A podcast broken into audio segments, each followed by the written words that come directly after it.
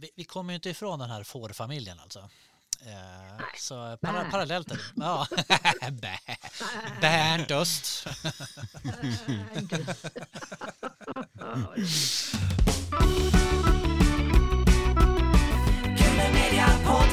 Wohoho.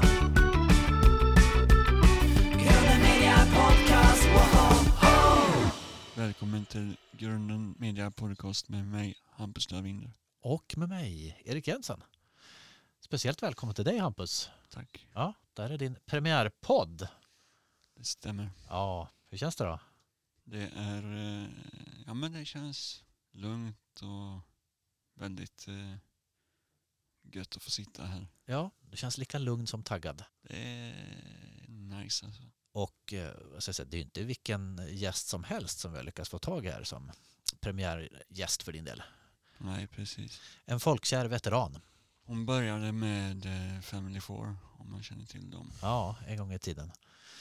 Välkommen till Grunden Mina Podcast, Marie Bergman. Tack så mycket. Vi är så glada att du vill vara med oss här.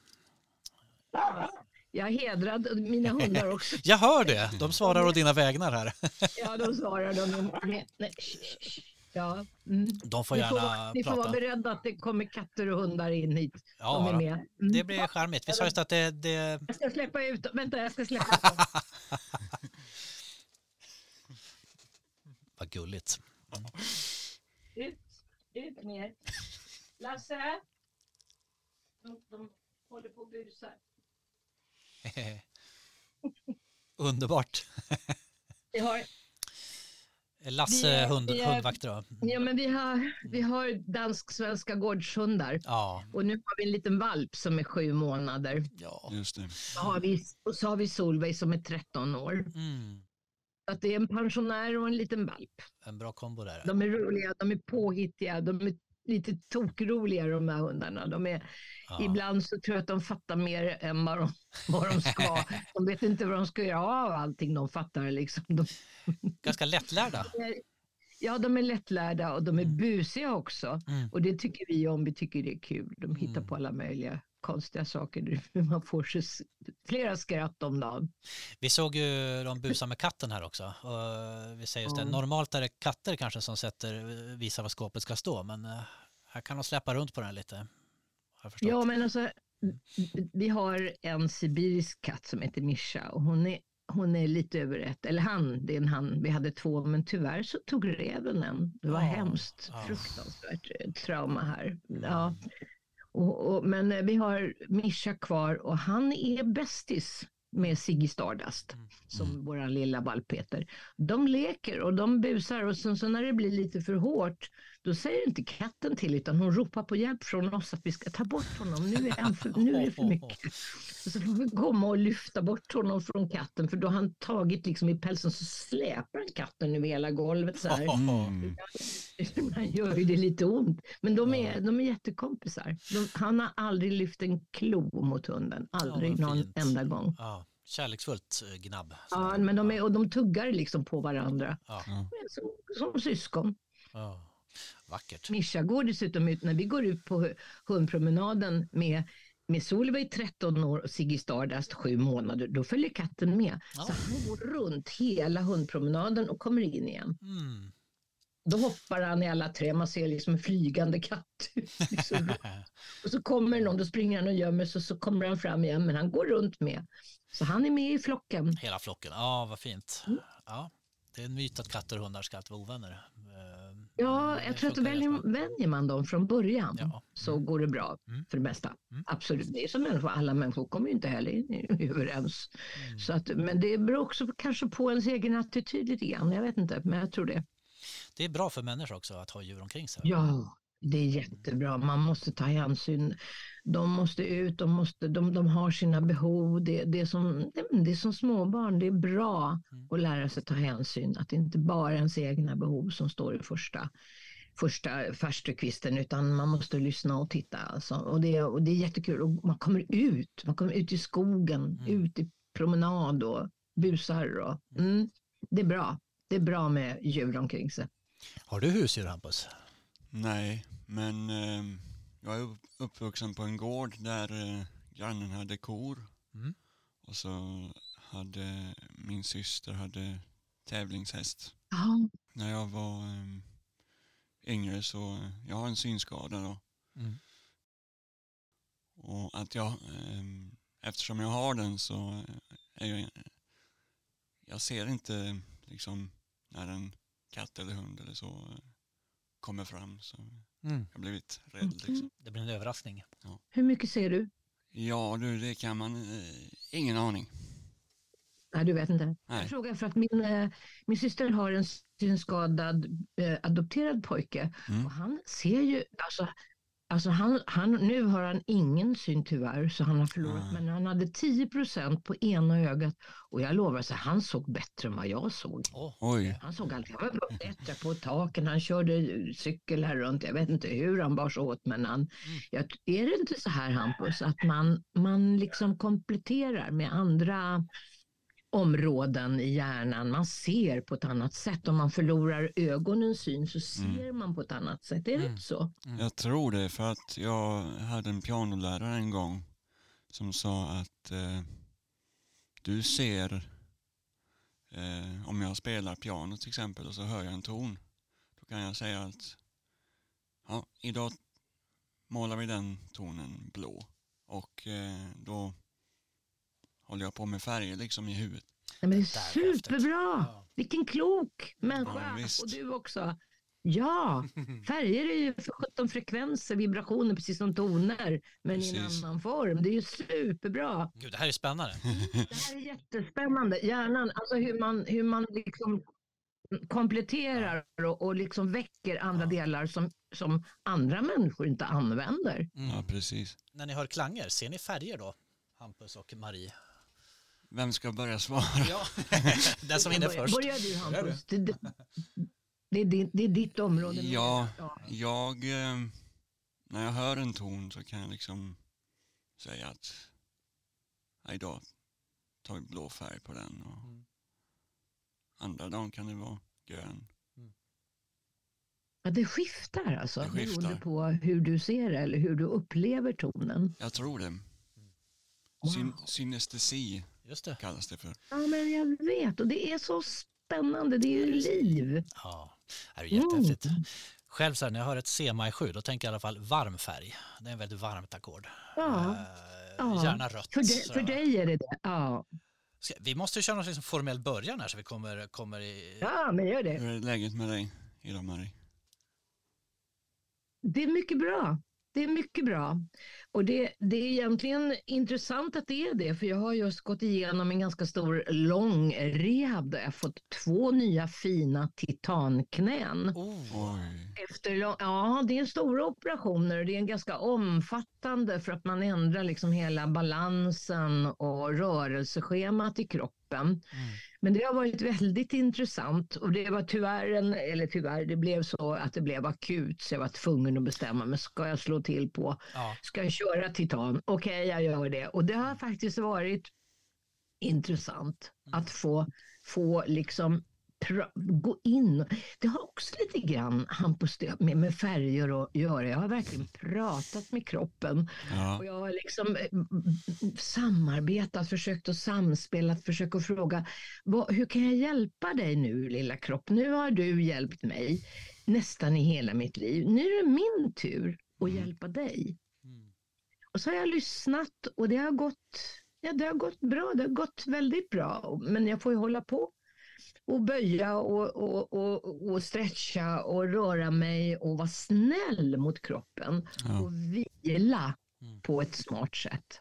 Det var i somras här vet jag när vi hördes. Eh, då- Ja, det var det. Och sen så blev det tyvärr en, en sån akut grej att det, även det andra knät Mm. slutar funka. På, i, i, I ett, ett flygplan, alltså det här det, det var lite läskigt. Oj, Jag åkte iväg och skulle på en utbildning i Brighton i England. Och jag satt eh, och jag, hade, jag kände liksom, jag hade antagligen vridit, jag vet inte vad jag hade gjort. Eh, Jag vet inte vad jag hade gjort med, med att släppa den här tunga resväskan. Och, och liksom, eh, för läkaren hade sagt så här, ja men du, nu, nu kan du göra allt utom att springa maraton. Okej, sa jag, så tillbaka till gamla rörelsemönster och tog i som fasen där med min tunga resväska. Mm. Körde och ja, på något sätt gjorde jag något knasigt. Och när jag skulle stiga av planet, jag satt ju och så hade jag mer och mer ont på planet, så kunde jag inte, rö- jag kunde inte röra mig. Aj, aj, aj. Och då trodde de att jag hade fått, och jag trodde också att jag hade fått en propp. Mm. Och det är ju ganska allvarligt. Ja. Så då blev det liksom, då blev det väldigt dramatiskt. De kom hämta mig med ambulans där i, planet och de var så gulliga där på Londons airport. Alltså de var så, hello darling, how are your leg? Lite så engelska. Do you want to cup, have a cup of tea? This is gonna be all right, you know, just, you know, just laugh a little. Och de var så gulliga och så himla rara och de körde in mig till någon, um, någon sån här akutsjukhus. Det var inte det utan det var någon Ja, jag fick en påse morfin och ett par kryckor. Och då. Så jag Och te. var kvar där. Jag var kvar där på, på utbildningen Ja. den där veckan och det var ju roligt att jag kunde göra det. Men sen när jag kom hem så fick jag ju ta tag i det och då var det liksom tyvärr så var det operationsläge på det knät också. Och då fick jag en akut. Så att det, det, det som det är i livet. Alltså jag har kommit till reservdelsåldern och det här, men det här är intressant. Mm. Hur möter man det här då? Mm. När allting förändras Mm. rörelsemönster, attityd. Jag kan, inte, jag kan inte stå på lika mycket som jag har gjort. Och det är bra.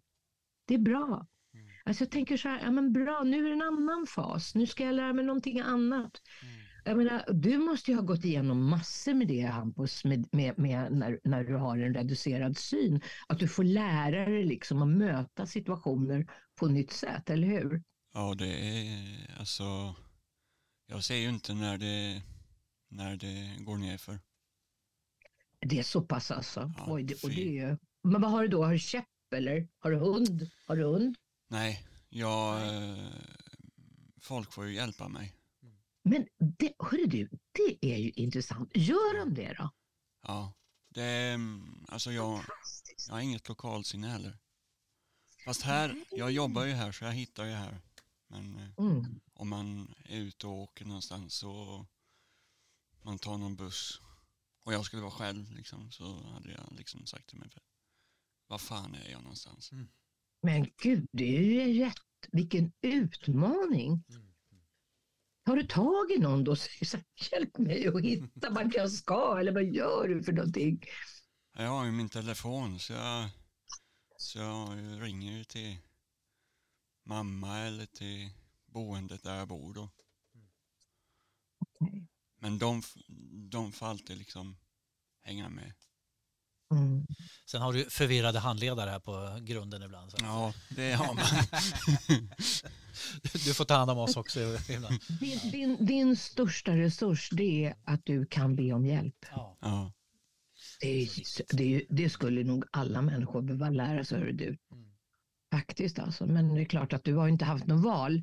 Men, men alltså det är fantastiskt att det funkar, att du får hjälp då. Att Mm. människor är liksom eh, är beredda och säga, ja, men jag kan, vad ska du någonstans? Jag visar dig vägen här. Och, är det så?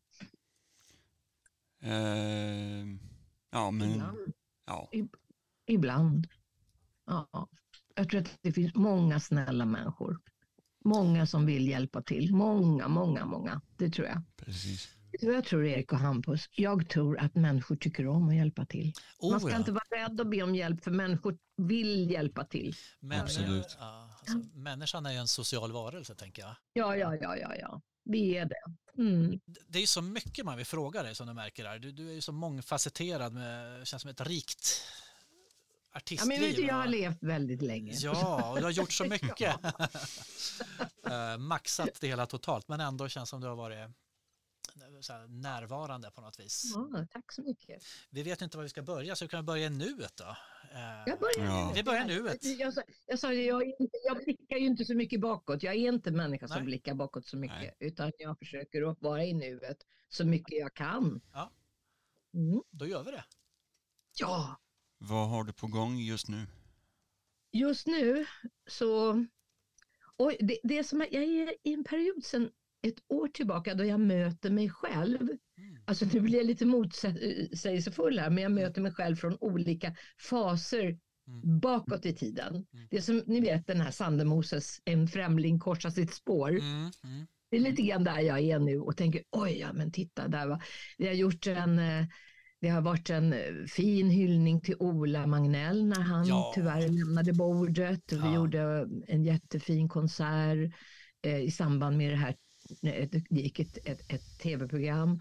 Sen gjorde vi en jättefin konsert nu alldeles bara för några veckor sedan. Mm. Eh, En hommage, en hyllning till Pugh Rogefeldt Åh, cirkus. Och det var också fantastiskt. Alltså. Mm.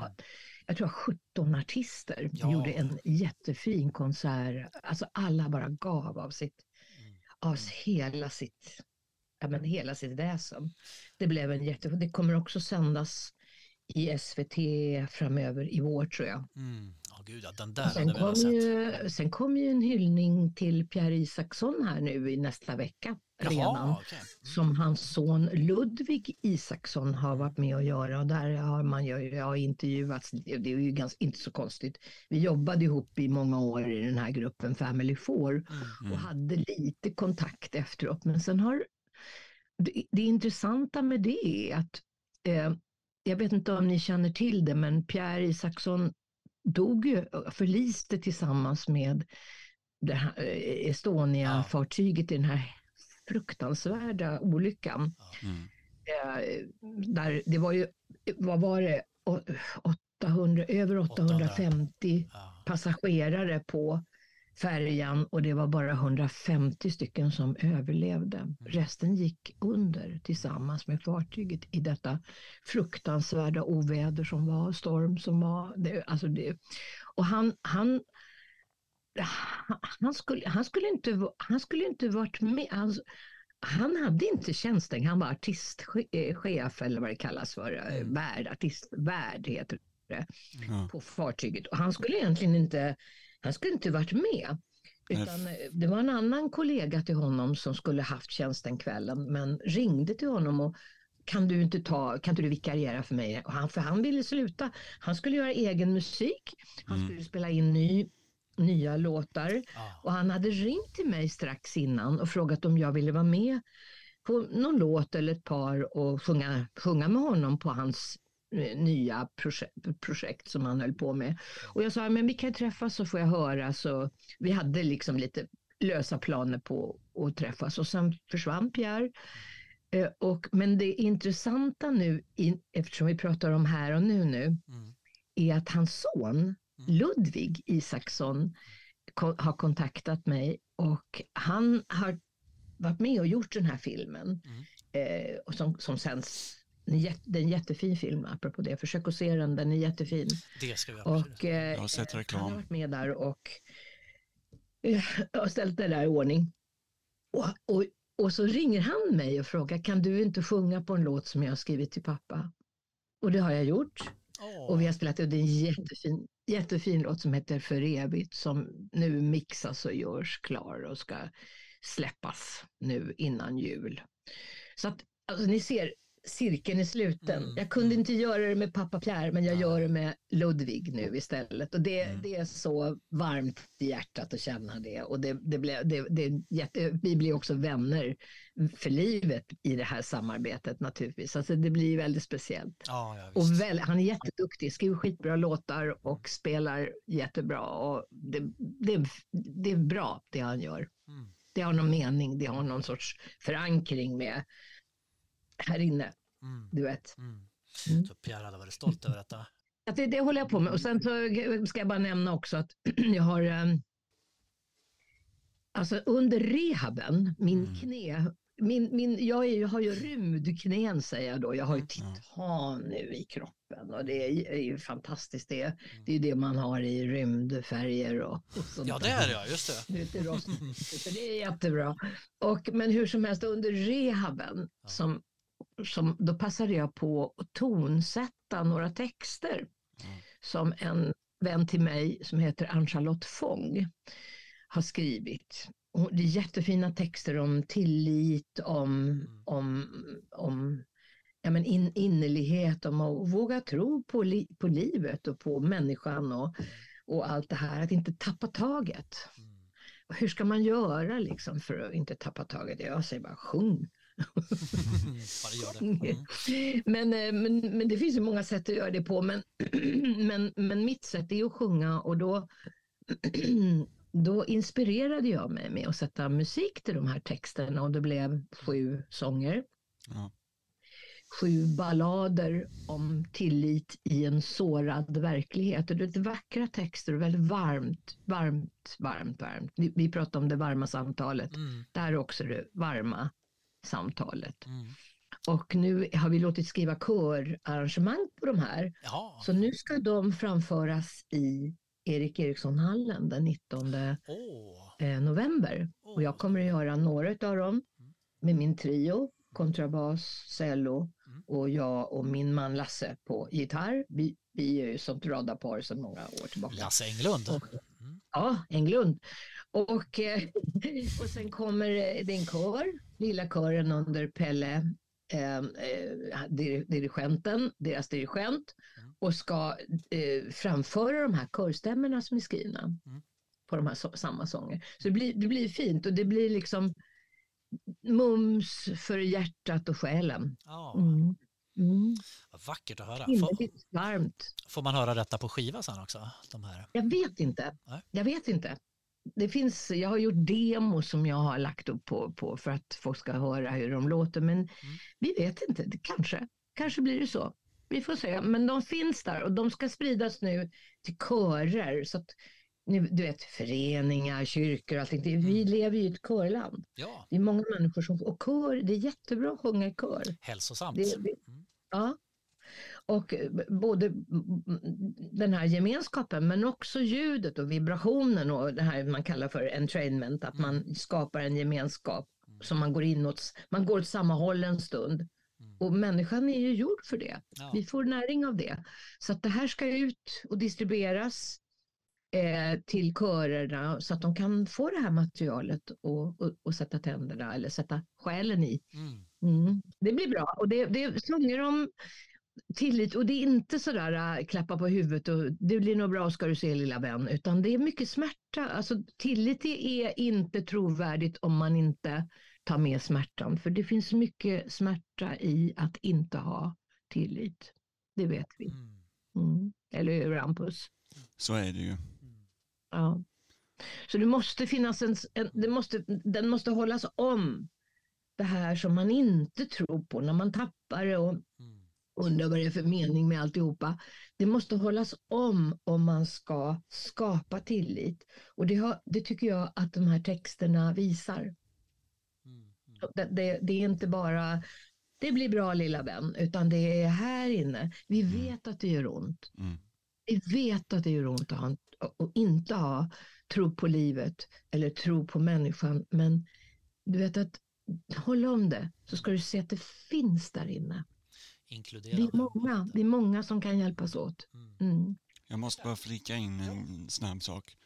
När du snackar om eh, 1994 med Estonia där. Jag vet vem som fick det där samtalet. Vet, du vem det var? Nej. Han ringde till Alf Robertsson. Ja. Eller Alf, Alf ringde till Pierre. Alf ringde till Pierre, precis jag kommer ihåg, jag hörde det just nu, det är fruktansvärt. Hur skulle det kännas för Alf, stackars Alf? Mm. Mm. Usch, Så det är Alf som skulle ha varit med där på Ja. Ja. stående? Ah. De delade, de delade på den där, var det inte så Hampus, att de delade på den där tjänsten som artistvärd? Mm. Och Alf skulle vara i tjänst Jo, egentligen. men han blev sjuk. Läste jag. Stackars. Fruktansvärt. Mm. Oj. Mm. Hoppas han fick mycket kärlek efteråt och, och liksom att han klarar av den, det samvetet. Liksom. Ja, ja, ja. Ja, det tror jag. Känner, du, känner du Alf? Nej, känner jag känner Monica sedan några år tillbaka. Är det hans fru, Ja, hans kvinna? hans... Eh. Hur gick det för honom i, i, efter det här, den här händelsen? Hur klarade han, hur kunde han bära det?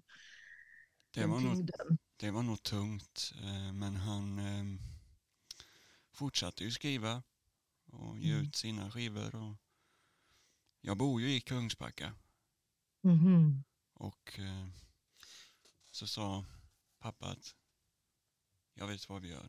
Vi åker och hälsar på Alf Robertson. Åh, Vad bra. Nej, Det var inte det. han dog ju Han- tyvärr. In, Han hann dö innan. Men, men du, Mm. tanken fanns där i hjärtat. Tanken fanns. Mm. Ja, och det är den som räknas. Den fanns där, viljan, initiativet och det är ju en kärlekshandling. Precis. Solidaritet. Mm. Ja, fint. Wow.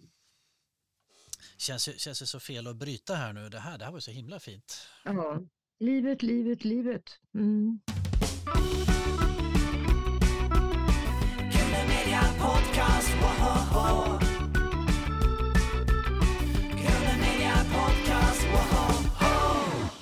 Du har gjort 21 plattor om jag vi har räknat rätt här. Har du räknat dem? Ja, jag säger det i alla fall, men vi läste det någonstans här. Ja, Men det är Ja, 21. jag tycker så. med, alla, med mina, också mina jazzalbum. Jag Ja, visst. Vi kommer att prata om Fruit här också. Ja, vad kul. Det, det var den som eh, Erik, eh, du kom fram till mig Jag och sa, här måste du höra. Det är det, jättebra. du måste höra på Maries eh, jazzplatta. Ja. Jag Bara, Jaha. Och liksom jag, jag sa till Erik att jag förknippar inte Marie med jazz. Liksom. Nej, det kan man se. Men lite nu. alltså. Du är din egen unika genre, Marie, tycker vi då. Det där är ryms både singer-songwriter och eh, jazz och eh, bluegrass. Ja, men tack. Ja, det, blir jag, ja, det tar jag verkligen till mig och Ja. det tycker jag om att Ja. och, och, och höra. Alltså jag är uppvuxen med jazz. Min, min bror är jazzmusiker och det lyssnades på jazzplattor hemma så det är inte så konstigt. Mm. Min, stora, min stora idol var Sara Vaughan när jag var 9-10 år. okej. Mm. Jag ville sjunga som henne. Och sen Ella Fitzgerald och alla de här fantastiska sångerskorna. Alltså herregud. Och jag, jag, jag har ju det idealet med mig men det dröjde ju liksom tills jag vågade försöka och eller vågade, men tills jag valde Mm. och liksom gå in i den, i den Mm. genren och tolka. Och det kom sig av, vill ni höra den? Absolut. Storyn. Mm. Ja, Absolut. Livet är fullt av historier. det är precis det vi vill höra. Jag tappade rösten. Jag, jag tappade, jag var ute och sjöng och jag, jag överansträngde mig, gick i väggen måste jag ha gjort om jag ser på det efteråt. Och eh, jag blev jättesjuk på både stämbanden, hjärtat var överansträngt, alla möjliga. Så jag fick liksom bara, jag fick dra mig tillbaka och vila. Alltså djupvila pratar vi om nu, inte bara sova, för det behövde jag säkert också. Men jag hade småbarn hemma och var turnera och det blev bara för mycket. Jag tog inte hand om mig själv heller på ett bra sätt när jag ser på det efteråt. Och vad heter det? Eh, eh, och under den, återigen under den rehaben så, så började jag eh, började undersöka, men vad är en röst? Vad, vad, hur, hur är den uppbyggt? Vad är det som gör, vad är det som gör att ljuden kommer ut?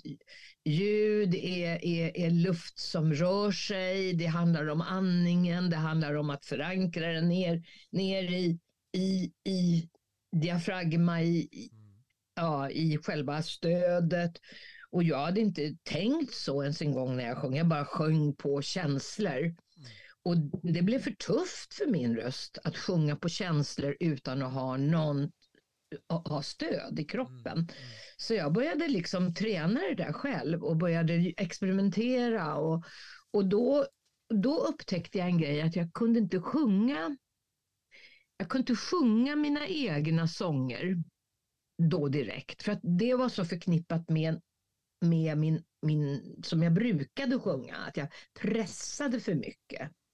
Utan jag sökte mig liksom till någonting, vad ska jag sjunga då? Då började jag liksom sjunga de här sångerna som jag är uppvuxen med, som jag har hört Sarah Vaughan och Ella Fitzgerald sjunga, alltså de här från eh, eh de här fantastiska eh, 30-tals, 40-tals låtarna. Och så mm, på den vägen, liksom, på den vägen var det. Och sen kontaktade jag Peter Nordahl som jag jobbade med i några år som är, har arrangerat sångerna på, på låtarna på Fruit just. Och vi hade en liten trio ett tag, var ute och sjöng på jazzklubbar. Och det, för mig var det liksom en omstart att lära mig handskas med min röst på ett bättre sätt. Och när jag hade sjungit det ett par år och gjort de här plattorna och, och, och liksom fått vara i den, det var en frihet för mig att sjunga en helt annan genre. För det gjorde att jag kunde vara medveten på just det här stödet och det här klangen och allt det här. Och då kunde jag också så småningom gå tillbaka till mina egna låtar och sjunga dem på ett sätt som inte, där jag inte förbrukar upp mig Mm. när jag sjunger. Mm. Om du förstår vad jag menar. Sjunga Absolut. med, Ja. med ett personligt stöd, en, en, ja, en annan typ av kroppsförankring. Så det, där, det där var ett sätt att, det var ett smart sätt, förstår jag efteråt, att lura mig själv liksom att ja, men jag kan inte göra, jag måste gå, det är samma sak om du är utbränd, kan, du kan inte gå tillbaka till din arbetsplats för då blir du utbränd igen. Ja. Du måste göra något nytt, du Ja. måste göra något annat där du kan vara mer medveten för annars kommer de gamla vanorna in Ja. och sätter pirra för dig. Ja. Du måste göra någonting där du kan ny- tänka nytt. Mm. Vara i en annan miljö eller en annan, försöka i alla fall och liksom hjälpa dig själv att komma, att inte hamna i det gamla sättet att vara igen. Och det där, så det var ju liksom en, en, en helande resa för mig Ja. att få göra de här plattorna. Och sen så ringde de från Danmark och frågade liksom om jag kunde komma och sjunga med Danmarks Radios Big Band. Och vi Ja. gjorde ju en, en storbandsplatta som är jättefin. Mm. Och då trodde de att jag skulle stå där och gapa som en rock'n'roll-artist. Liksom, det var det jag hade gjort innan för att frisätta mig själv. Mm. Eh, eh, eh, turnerat mycket i Danmark och mycket. Och det var därför jag tappade rösten också. För jag hade inget, inget, jag hade inget stöd för det. Och vad heter jag använde mig för hårt. Men, men, eh, men då fick de ner en liten tjej som ville sjunga mjukt och på ett annat sätt berättande. Eh, rösten är en berättare det, på något sätt. Och eh, jag tycker att plattan är väldigt fin som vi gjorde, som jag gjorde med både, med, både de här eh, eh Fruit som jag gjorde med Peter Nordahl trio och Danmarks Radio Storband. Det är en väldigt fin platta. Mm. Och den är, den är, där började jag bygga upp en ny medvetenhet. Vad är en röst i en människa? Hur funkar den? Och hur kan jag hålla om den på ett annat sätt än att bara köra och slita ut den Mm. som en gammal bil? Utan att verkligen ta hand om den kärleksfullt och, och mera liksom i min kropp. Så det, det var början på en, på en ny livsresa för mig. Jag tänker man brukar prata om muskelminne. Eh, diafragman Ja. är ju en muskel i högsta grad. Ja. Hur mycket Ja. som sitter i när du ska sjunga de här låtarna som är så förknippade med dig. Ja, Eh, och det ja, ja, ja det var, det går igång precis på det Ja, gamla sättet. Ja. Ja. Så det gick inte.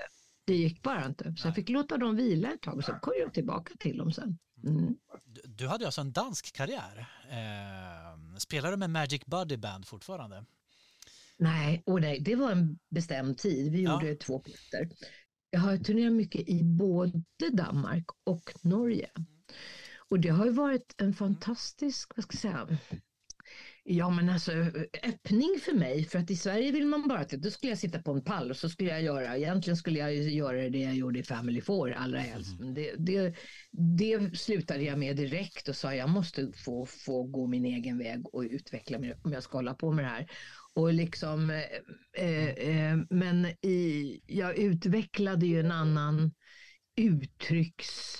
Jag följde ett annat uttrycksbehov på grund av att publiken dels i Norge först och sen i Danmark bara stod där och sa ja, ja, ja. Så att de sa bara ja till allting jag gjorde. Och det var, gav mig mod och det gav mig glädje och jag vågade liksom öppna mer och mer av min ut, ut, mitt uttryck. Och då skapade vi eh, Magic Body Band istället för Marie Bergman Band. Hur kul låter det? Det låter inte så kul. Men Magic MBB, det är samma, det är samma initialer. Vi var en av Danmarks tio största band. Vi spelade på Roskildefestivalen flera Ja, gånger. Ja. Och det var på grund av att publiken stod där. Ja, gör det, gör det, mera. Liksom. Det var tidigt Det var 80-tal. häftigt. Någonstans där 83, 84 va? Ja. Sånt där. Ja. Mm. Jag, jag tänkte, mm, du var inte med Cornelis eh, på Roskilde 87? Eh, nej, det var jag inte. Utan, utan jag har aldrig jobbat med Cornelis, men jag upplevde Cornelis debut 1964. Oho. Då, då var du väl en liten stjärna i universum. Säkert påtänkt kanske. Men 64 faktiskt på, på Vispromenstorken. Ja. Ja, Då var jag, jag var där alltså. Jag var 14 år då och upplevde denna motsägelsefulla, fantastiskt närvarande eh, människa komma in och sätta sig på pallen och dra sina låtar. ja, Han lärde mig att rösten är en berättare. Oj. Och det har jag aldrig släppt. Aldrig. Rösten är en berättare. Den berättar. Och det, det, är liksom, det var ju det han gjorde hela sitt liv också. Hela tiden. 64, det var runt den här plattan. Det var hans första platta som Vad kom där. den? Ballader och uh, Mm. oförskämdheter va? Ja, Ja. Och den, den spelar han in i den studio, Metronom Studio, som, med Anders Burman som sedermera blev också min producent så Ja, småningom. Och där jag gjorde mina första plattor. Mm. Mm. Men din första skjuts in i ar- artistvärlden då? Var det här Just runt det. tidigt 60-tal eller var det tidigare där? Eh, Men det beror på vad man menar. ja. Jag, jag, alltså, när jag kunde tre ackord så tog jag min gitarr och så serade jag ner liksom till Bispråmen-storken och, Ja. och så kunde jag tre låtar och, och så de fick jag spela ibland. De var så himla gulliga där alla killarna, det, Fred Åkerström Ja. och, och, och Cornelis, alla, Mm. allra helst Fred som Ja. blev han, han blev liksom min beskyddare. Jädrar om någon skulle antasta mig eller han var där som Kom där med sin Eh, och Det var ju bra. Jag var alltid trygg där. Ja. Eh, Ja, det, det var liksom, jag kunde sitta där och jag fick vara med fast jag var lite för ung. Liksom. Men egentligen, men de såg min passion och, och, och, och de lät Jag växte upp där Mm. helt enkelt. Bland, bland trubadurerna och bland, då var det visan som var liksom, det var ju 60-tal. Ja. Det fanns massor med klubbar och det fanns också ungdomsgårdar som man då saknar väldigt mycket idag. Platser där ungdomar och jag, där spelade jag, jag hade en, en duo tillsammans med Therese Juel. Vi, vi sjöng Marie och Therese. Vi sjöng såna här eh, amerikanska folklåtar. Lite Dylan, lite sådär du vet som var poppis då och som fortfarande i och för sig var poppis. Men då var det ju väldigt mycket American folklore liksom. There is a man coming to Egypt, and Moses. Ja. Tänk på Peter, Paul and Mary. Peter, Paul och Mary var Ja. mina stora idoler. Ja. Vi kunde alla låtar. Både jag och Therese, vi, vi, vi kopade alltihopa. Det var bra, det var en bra start. Turnerandet, ja. Ehm, 2005 så försvann en annan fin artist. Du fick ju äran att turnera med Putte Wickman. Mm. Ja, det fick jag. Ja, det var väl något år i alla fall som jag fick lov att sjunga, för, för, åka med hans, han spelade på Stadshotell. Då åkte runt med sin orkester. Och han hade en sångerska men jag fick vara med som liksom lite körtjej och stå där lite i bakgrunden och Mm. hade väl någon låt som jag fick sjunga sådär. Och det gjorde jag för att jag visste då att jag skulle börja i Family Four. Jag tror det var Bernt som kände Putte på de, de, samma generation. Och eh, på något sätt som fråga, kan inte Marie få åka runt? Så jag, jag hade ju aldrig turnerat. Jag, jag, jag hade ingen scen. var- Ja, ja, det är klart på, på visklubban och så, men det var ju någonting annat. Det här var ju liksom lite tjusigare. Det här var ett steg i bananskalet i, showvärlden som vi levde i då, som jag levde i med Family Four under de här åren. Och det var en väldigt bra eh, eh, tid. Jag fick mycket erfarenhet, förstod vad det innebär att turnera, ta hand om mig själv i en turnébuss på ett hotell och sena kvällar och, och liksom, ja du vet allt som, det livet Mm. Det här är runt 68, Ja, 68 69 någonting där då. ja, jag var 18. Eh, Ja, Mm.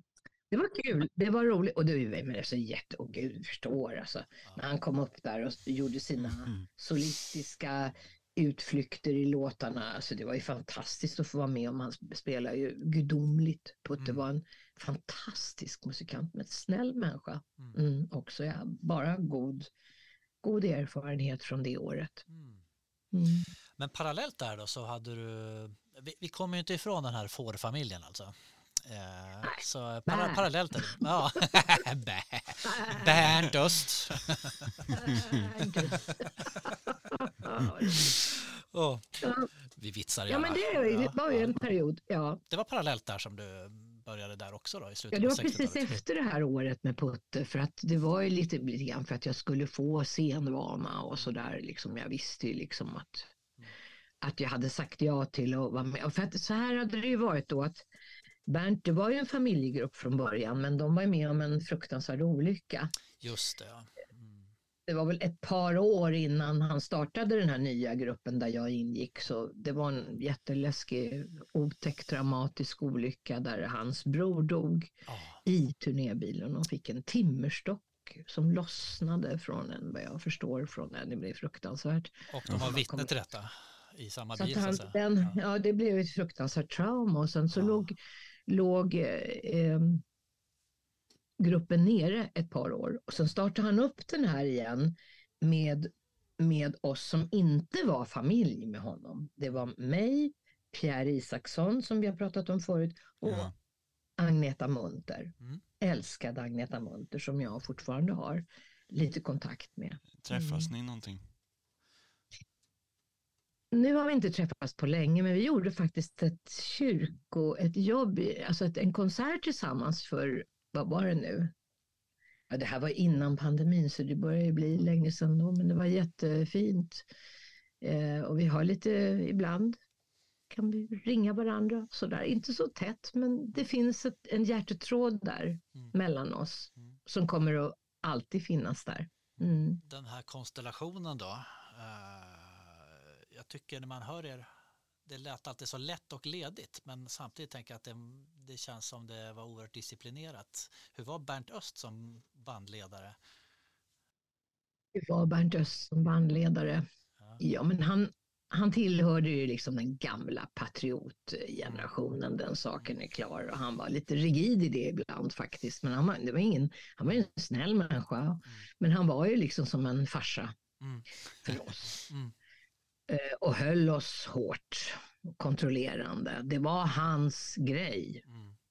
Det var verkligen hans, eh, och det var det ju också.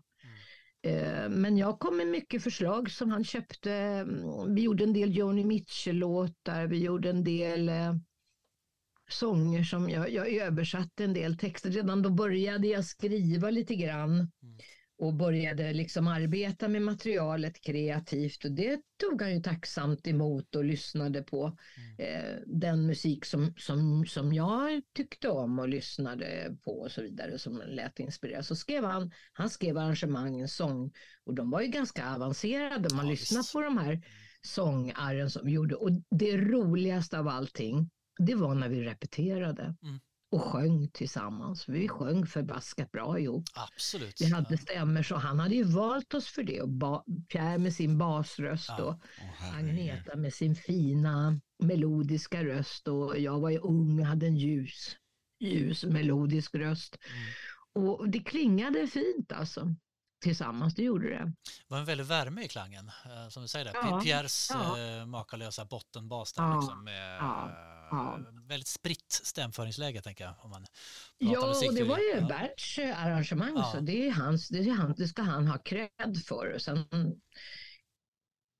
kan du ju säga så här att, som allting, att Mm.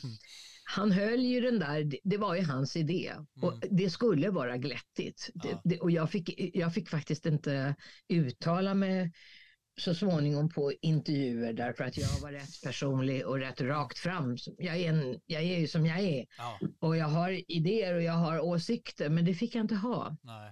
Och det blev en konflikt så småningom. Jag Det detta. blev en djup Ja. konflikt. Så tyvärr så var, kände jag att det här kan ju inte vara. Jag kan ju inte hålla sig som en jävla koppel i band.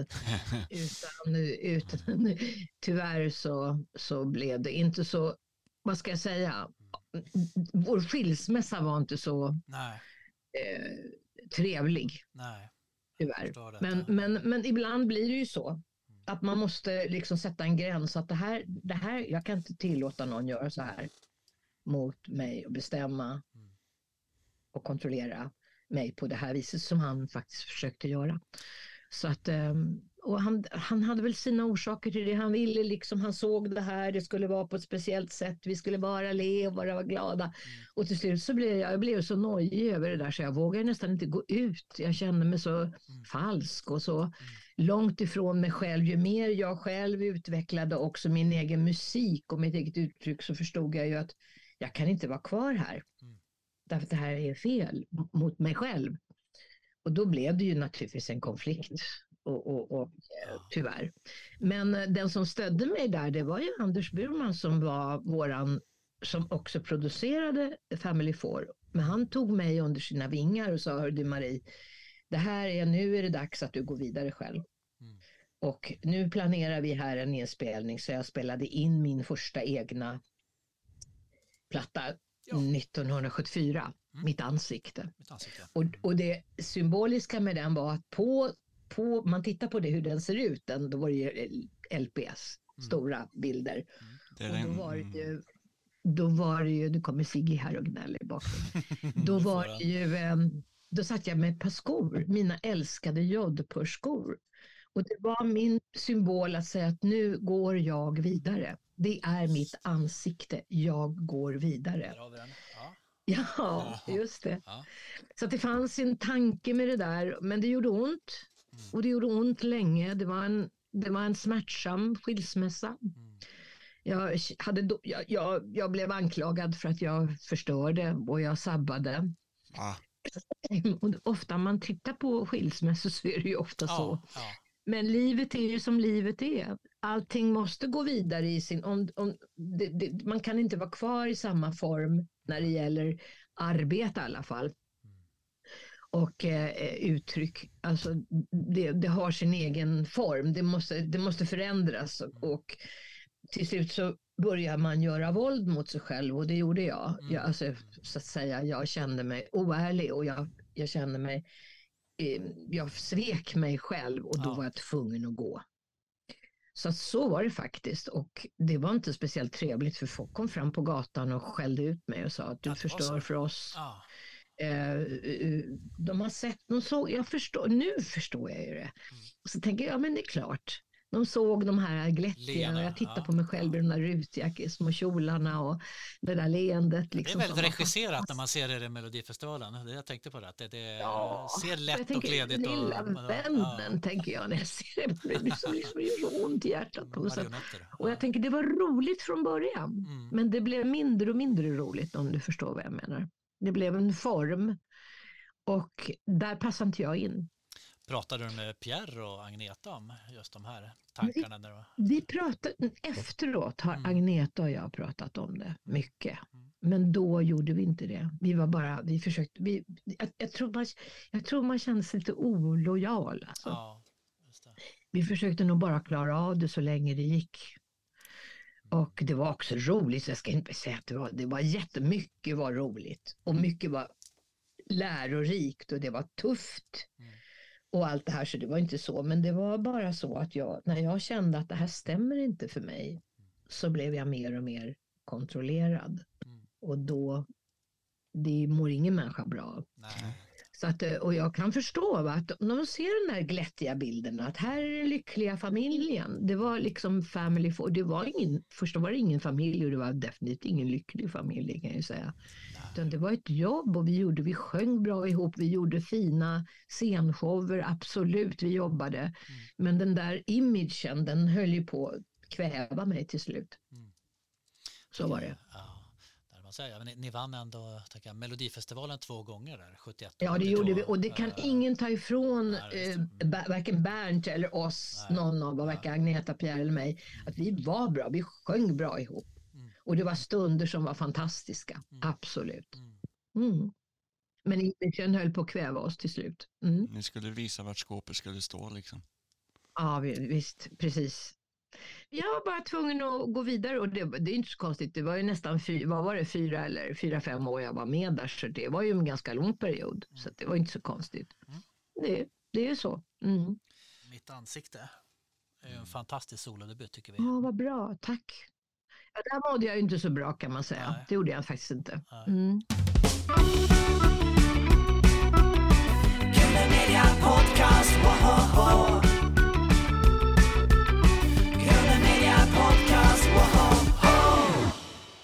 Jag har mest lyssnat på de här eh, när jag började jobba med Kjell Höglund och Ola Magnells Ja. låtar. Kjell, Där hittade jag liksom. vilket, geni, vilket geni alltså. Mm. Oj, oj, oj, vilka texter, vilka låtar. Mm. Träffar du Kjell eh, fortfarande? Nej, det var, nu var det länge sedan tyvärr. Tyvärr. Men vi- i början där så, så, så träffades man ju och umgicks lite grann allihopa vi som höll på. Vi var ju också ett gäng där som, som, som Anders Burman tog under sin, eh, sina, vad ska jag säga, pappavingar. Vi Ja. var lite så här själsligen föräldralösa. Eh, Ola, Pugg, jag, eh, Ja, vilket stall alltså. jag menar Bernstaff, Ja. Det var, vi var några eh, eh, vad heter det, ja, men vi var några stycken som, som var där. Vi, vi samlades och vi umgicks och ibland var Kjell med. Mm. Dök upp och var med. Vi var i samma ålder ungefär, samma generation och vi skrev låtar och vi lirade låtar för varandra och vi Ja. provade låtar. Vi turnerade med varandra. Jo- John, John Holm. Ja, ja visst. Ja. Ja, ja, ja, ja, ja. Alltså det var många så att liksom vi var ett litet gäng där som, och som, ja men, som, som, som var runt, runt Anders Mm. helt enkelt. Det var han som höll, höll, höll ihop oss och vi spelade också in i hans, eller i den studio där han var producent. Han, han var ju en legendarisk producent Mm. Ja, alltså. ja, Och god vän. Och ibland en gammal patriark ja, han med. ja, ja, visst. Så var det. Så som det var på den tiden, var jag. Han höll ihop oss i alla fall. Men vilket pärlband av fina grejer som kom från Metronom den här tiden. Alltså. Ja, ja, ja, ja, ja. Han var ju den som spelade in Cornelis också. Ja, Cornelis. Ja, och. Fred Åkerström. Mm. Han var ju gammal, han var ju jazztrummis, han var ju musiker, han var musisk Ja. i, sin, i, sitt, i sitt väsen. Mm. Det känns som att han tog fram det bästa av sitt stall. Ja. Ja. Ja, Eh, oftast. Eller det bästa av Sveriges musik. Ja, typ. gud ja. ja. Jaha, vad bra. Ja, det fanns ju flera sådana här klickar. Det var ju liksom fler, men det, jag tror återigen det där sociala, va? att man hade någonstans att ta vägen med sin musik. Mm. Man hade ett hem, det blev Ja. ett hem under några år. Det var väldigt viktigt tror jag för alla. Jag har pratat en del med Jonte, med Jan Holm om det som är min goda, goda vän. Vi gjorde ju en låt tillsammans här nu på eh, hyllningen för eh, eh, Torbjörn, Mm. för Pugg. Mm. Och då, då en jättefin låt som han hade, en Dylan-låt som han hade översatt eh, som handlar om döden. Mm. Och jättevacker, jättevacker och som, eh, och som han hade tänkt att fr- framföra på Mm. Anders Burmans begravning. Men det blev inte så. Ja. Och sen ville Pugg spela in den. Han ville att Jonte och jag och han skulle spela in den här låten. Men så blev inte det. Han blev sjuk där. Det. Och det blev inte av. Men vi gjorde, Jonte, alltså John Holm och jag gjorde den på nu konserten till Pugg. Fantastisk. Och då kom vi att prata om de här tiderna naturligtvis. Om hur det hade varit och vilken stor betydelse det har haft för oss allihopa. Att ändå ha det där kreativa hemmet runt eller hos Anders då, trots Ja, allt. Ja. jag menar, det var en samlingspunkt. Det, det var det och det betydde jättemycket. Jättemycket. Det gav mod. Ja, herregud, Mm. ni förstärkte varandra. Apropå där, människor i den sociala gemenskapen, vad man kan få varandra att växa. Liksom. Ja. jätteviktigt. Och så hade ni ju även eh, ett stall med studiomusiker som var helt fantastiskt. Ja, Joje ja, och Loffe Ja, ja, var väl inblandad och lirade lite trummor emellanåt. Ja, ja, ja, ja, ja, ja. Fantastiska musiker runt naturligtvis. Jag Mm. ryser av välbehag när vi pratar metronom här. Det, Det var också så, jag, det var ju så jag träffade Lasse. ja, just det. Lasse Englund. Ja. för många, många decennier sedan. Ni har hängt Ja. upp länge du. Jag känner ju inte till Lasse så, men jag har läst, eh, där man läser om dig så står det liksom något om Lasse, Lasse också Det är ibland. väldigt Ja. Ni, vävda i varandras eh, uttryck. Senast Mm. vi pratade om Lasse Englund i podden här, det var när vi intervjuade Louise Hofsten för ett år sedan. Eh, Ja, och eh, ja. då hyllade vi hennes visplatta Kära du, där Lasse medverkar. Ja. Eh, och Esbjörn Svensson tror jag också. Mm. Fantastisk skiva. Ja, den är fantastisk. Den är, oj vilken platta det är. Ja. Ja, Den rekommenderar vi till alla där så. ja, ja, ja, ja. den är fantastisk. Fantastisk. Men eh, apropå skivor här då, eh, alltså vad, vad tänker du själv? Även om du inte tittar bakåt så här mycket, men när du hör eh, mitt ansikte idag, vad tänker du då? Eh, lyssnar du på gamla skivor så här? Nej, Vi stryker den frågan. nej, ja, men alltså det, ja. Ja. Alltså ibland så, så blir det ju så att någon annan spelar plattan och jag råkar, inte 17 sitter jag och lyssnar på mina egna plattor. Det kanske, det kanske jag gör någon gång Ja. i framtiden, vem vet? Ja. När jag sitter på hemmet. jag vet här, inte. Det var tider det. Ja. Men det blir liksom för nostalgiskt. Det är så mycket, nej, jag, nej. Men däremot så sjunger jag ju fortfarande en del av sångerna. Det gör jag. Nu ska jag till, eh, vi ska, vi ska göra en stor konsert i eh, Oslo här, Oslo. Okej. Den 2 december som en sån här kulturmanifestation och då, då har man satt, då ska vi spela två timmar och då har vi Oj. lovat att spela de gamla låtarna. Ja. Alltså de här från Mitt ansikte och Närma mig och de här första plattorna. Och, och de vill bara sitta där och lyssna på de här låtarna. Och det är så himla gott på något sätt att Mm. de fortfarande lever kvar i en del människor. Det är fantastiskt. Men då daterar vi upp dem lite grann men fortfarande så är det ju, det är ju samma låtar. Mm.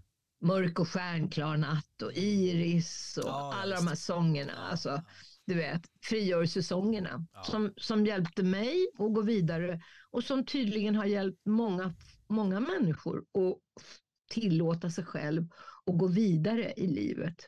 Mm, inte fastna i gamla mönster allt för mycket. Åh, det är så mycket man vill säga om de här tidiga plattorna. Så jag tänker gärna eh, den här singer-songwriter-traditionen med Joni Mitchell i USA till exempel och eh, Turid Lundqvist i Sverige. Ja, men Eh, Turid, fantastisk. men du kallades för någonstans, jag hörde någon säga att du var den, liksom, den stora skandinaviska singer-songwriter-moden. Det var DN som sa det. Ja. Jag tror det var DN som skrev ja. ur, urmoden i, och det var ju en fantastisk komplimang. Ja. Jättefint, Ja. tack. Det, det, det, det bär jag gärna. Ja. Om, det gör jag gärna. Mm, det är viktigt att, att, att kunna vara en inspiration, att få vara en inspiration. Mm. Vi pratade ju om Magnell tidigare Mm. och eh, jag har ju läst att han har skrivit låten men hur kom ingen kommun den politiken till egentligen? Ja, men det var, det var så att jag, jag hade, alltså idén kom från Anders Burman. Mm. Han hade lyssnat på Anna och Kate McGarrigle som är ett kanadensiskt artistpar, systrar, som gjorde Complant på Saint Catherine heter den i eh, original. Och så sa han, "Nej, för fan, Marie, alltså, du måste, fan, du måste lyssna på det här liksom. Ja, wow, wow, wow, det här. Och jag gillar, oj vilken låt, fasen härligt. Men jag var i den, precis i den tidsfasen så hade jag precis fått barn. Mm. Och jag var hemma, i, jag var inte på turné, jag var inte aktiv så, jag var hemma med en liten bebis. Jag hade Ja. precis fått lina. Ja. Och då, och då sa jag, vad fan, tror du vi skulle kunna ringa till Ol- Ola och fråga honom? Och, och det gjorde han och Ola gick igång och skrev, jag tror han skrev fem, fyra eller fem olika texter, varianter. Mm. Och så ringde han och ringde, ah, jag tycker om den här och vad tycker du om den där? Och så valde vi en av dem, om det var tisdagsvarianten och det blev Ja. den här Ingen kommer undan politiken. Och då hade han liksom intervju, men hur är det nu då att vara hemma med ett litet barn? Och så här, du skulle ju varit på turné egentligen. Och så, nej men nu, vet du, nu är jag mamma. Nu är jag hemma i den här lilla och vi pratade om det och liksom att ja men det är också dubbelt, det är klart man skulle vilja både vara ute på det och vara där och vara här och vara där. Men, men, men nu är det, så vi pratade om den här situationen att vara det kanske inte precis gestaltar den situationen jag var i. För jag, jag mådde väldigt bra av att vara hemma med Lina när hon var Mm. liten. Det var mysigt. Och, eh, men vi pratade om det här att vara ensamstående mamma och vara, Mm. plötsligt få barn och komma utanför hel, alla sammanhang och så vidare som, som texten också ha, handlar om. Och hur, hur det är och vara i den situationen.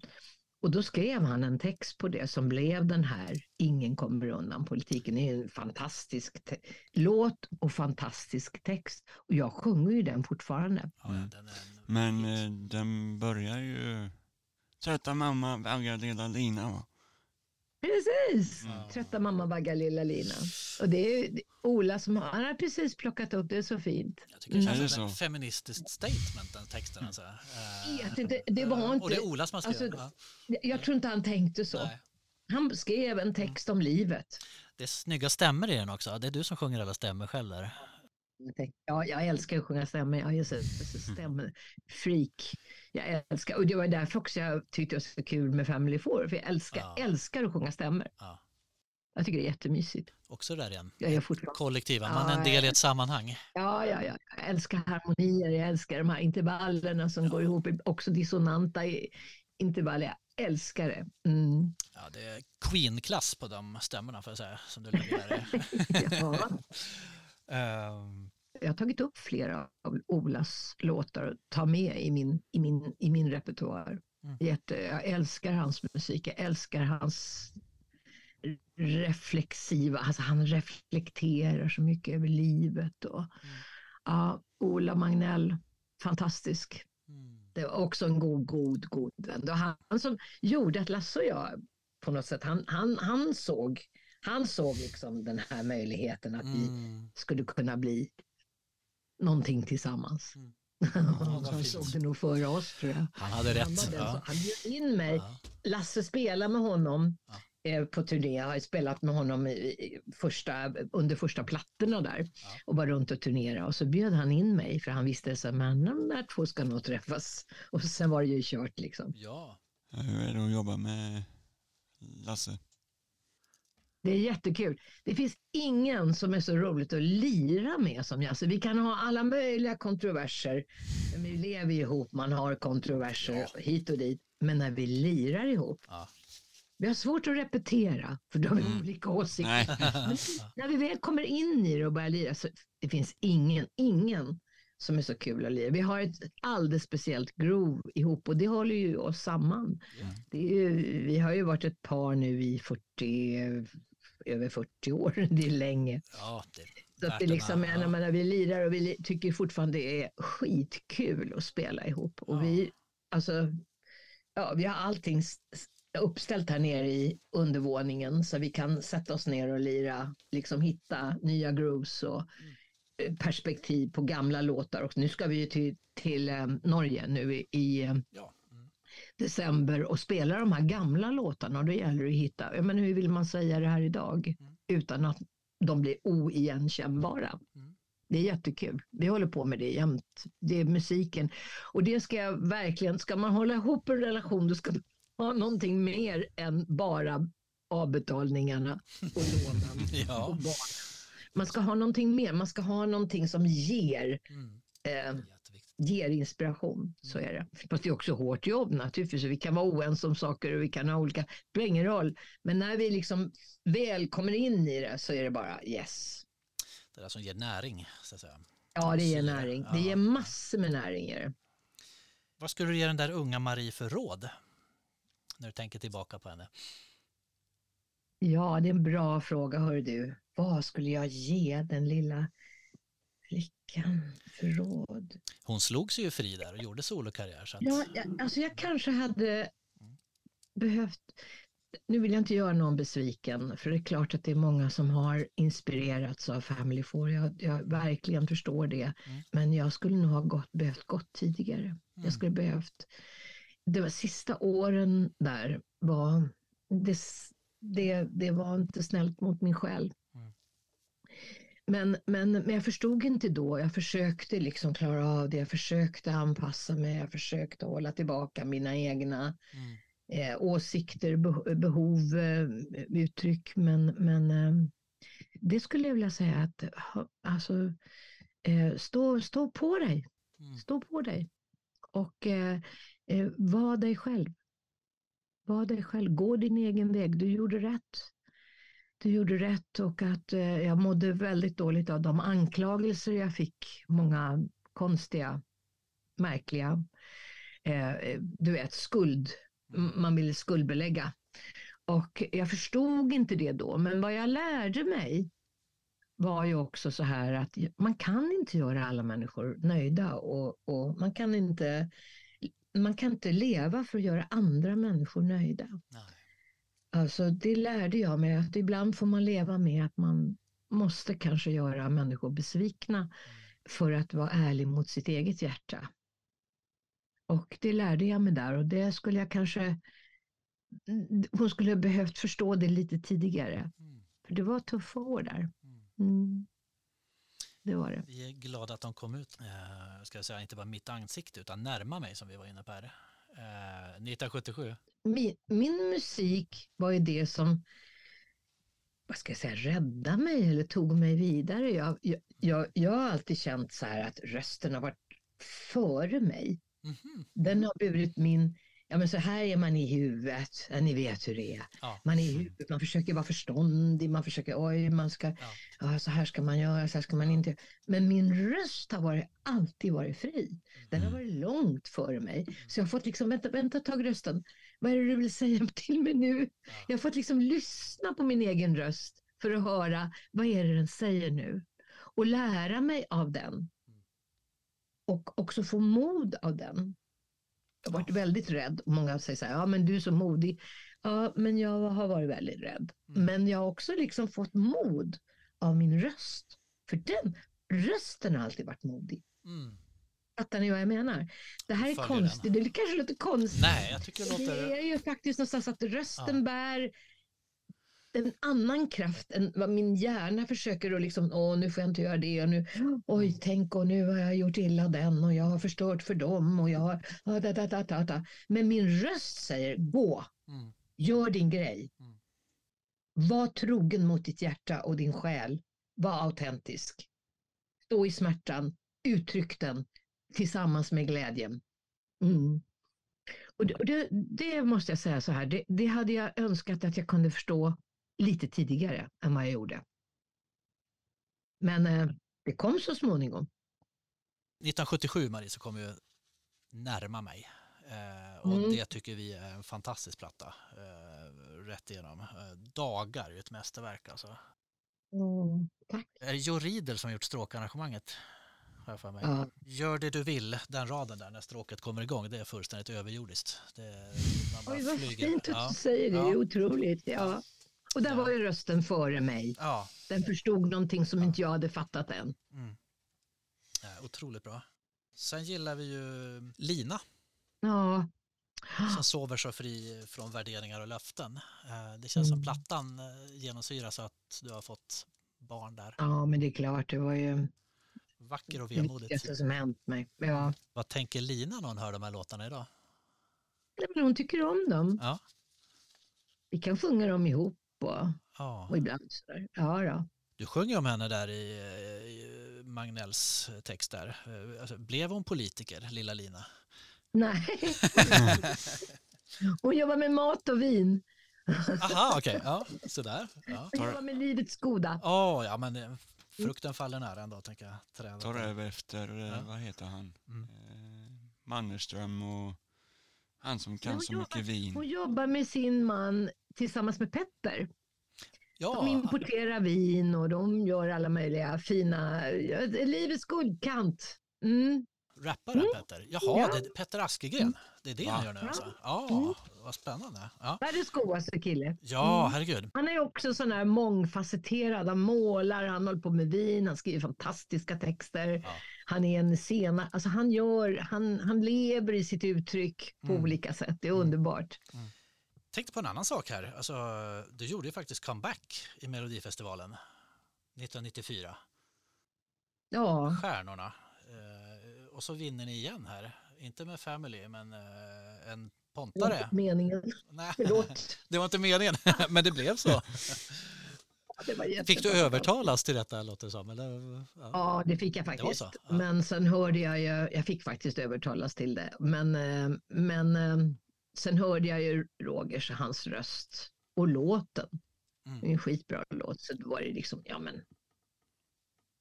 Det är klart vi ska sjunga, vi ska, klart vi ska göra den här låten. Och sen gick vi och vann. Det var, det, det var liksom inte riktigt in med i planeringen. Men det var jätte, jätteroligt. Det var jätteroligt var det. Mm. Så det var kul, kul att sjunga. Och, och Roger och jag är de godaste, finaste vänner, så det är jätteroligt.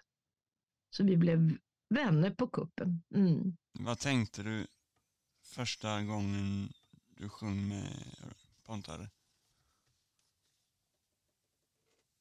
Vilken röst tänkte jag. Wow. Och så den här känslan att bara flyga tillsammans. När vi liksom går upp där i crescendo. Frihet. ger ju allt här alltså. Frihet. Ja, ja. Ja, ja, ja, ja. Och så kompletterar man varandra. Det var det jag tänkte. Mm. Men jag här, alltså vid sidan av uh, artisteriet, alltså, du har ju också producerat. Vi tänker på Maritza Horn. Jämmer och elände. Ja, just det. Och det var Eh, länge gamla sedan. Men det gjorde jag. ja. Ja. Det var en jätte, det var, och det är ju en jättebra platta. Alltså vilka, vilket Ja. material. Ja. De här gamla skillingtrycken och hennes sätt att tolka det. Fantastiskt. Mm. Det var roligt. Och du har även skrivit till henne eh, låtar. Efter balen. Just det. Jag tror att Englund var med och så Marie Bergman. Ja. Men vi hade ett tätt samarbete runt alla, alla de där balladerna, skillingtrycken och sångerna. Mm. Vi skapade den här plattan tillsammans faktiskt, eh, Maritza, Lasse och jag. Sen satt jag där som, som producent, eh, höll ihop det hela organisationsmässigt och tog dit musiker och så vidare, men det var ju ett teamwork. Det var väldigt roligt, det är sådana gott, det är ett gott minne. Och så han Hasse Eriksson, Backa-Hans. Backa-Hans. Ja. Mm. Väldigt fin musiker. Ja. Ja, ja, ja, ja, bara alla de bästa. Vi måste ju eh, hylla dig för en fantastisk tolkning också i På spåret förra året. Come give me love. Med eh, Benny Anderssons orkester. Ja, men det var också, vi gjorde ju också Joni Mitchell. På, det Ja, gjorde vi gud, ja. bara Ja. på gitarr och piano, jag och Benny. Jajamän, ja. Mm. Otroligt från. Det var ja. jättekul att göra det. Det var jätteroligt, och för det är precis ett år sedan. Mm. Det var också, också en, sån här, en av de roligaste grejer jag har gjort faktiskt i min karriär, eller vad man ska kalla det för. Mm. Faktiskt att få spela, spela med Benny och hela orkestern. För det första den, det enorma stödet Mm. och den skickligheten. Det är ju spelmän som sitter där. Det är inte bara att de spelar duktigt och bra, utan de spelar ju alltså. Mm. Och liksom det att känna det, den där engagemanget. Och sen så när jag gjorde Joni Mitchell-låten med, med Benny, det var fantastiskt. Att höra hans eh, intonation. Mm. Han har en alldeles speciell, int- alltså han sätter an Ja. klang på pianot på ett alldeles speciellt sätt. Jag, jag, jag tyckte det var och så försiktigt och inlyssnande. Alltså han är en sann musikant. Mm. Han till och med körar bakom dig där när du sjunger Come Give Me Love. Det är ju unikt att se Benny köra på låt också. Han var inte den som Ja, körade. men vi är musiker. Ja, visst. Han kan mer än musikanter, eller musikanter, kalla oss för Ja. musikanter. Ja. Alla de där i orkestern, inklusive Benny och jag, vi är musikanter. Och sen har han en speciell, helt annan unik historia med det här fantastiska världskarriären, men i sitt hjärta. Och det är så fantastiskt att det, det liksom bara är där. Det bara är där. Men eh, jag och Benny, det här vet, det är inte många som vet, men Nu får du berätta här i. det vet inte ens du. Nej, nu kommer Nej. ett scoop här. Wow, kom igen Hampus. Jag och Benny delar faktiskt på en sak. Oj, det är att vi läser inte noter. nej, just det. Man kommer långt ändå ska jag säga. Ja. Jag är inte Paul McCartney heller. Men Då är- då är vi tre. stora öron och Ja. stora gamla själar. lördag, tänker jag. Absolut. Ja, verkligen. Om du får välja vart du trivs bäst, är det på scen eller på, i studion? Åh, på scenen. Mm. Jag trivs inte alls i studio. Jag, jag tycker det känns... Jag får lätt prestationsångest som jag måste försöka bearbeta. Men på scenen känner jag mig nästan alltid fri. Det är en mer omedelbarhet och den här kontakten med publiken, det händer någonting. Där, det är mitt element. Så när jag är i studio så måste jag låtsas att jag är på en scen. Tänka bort alla apparater sådär, och Ja, mikrofoner. Mm. Vad är det roligaste som har hänt på scen? nej men vi kan ju bara ta det här. Det finns så mycket. Ja. Det finns så massor, hur, hur mycket som helst. Vi vill höra allt. Men vi kan ta det här Mm. På spåret med Benny och hans orkester för ett år sedan. Det var väldigt roligt. Mm. Det var en av de här ljusen som man bevarar här inne. Mm. Att få göra det Mm. tillsammans. Podcast,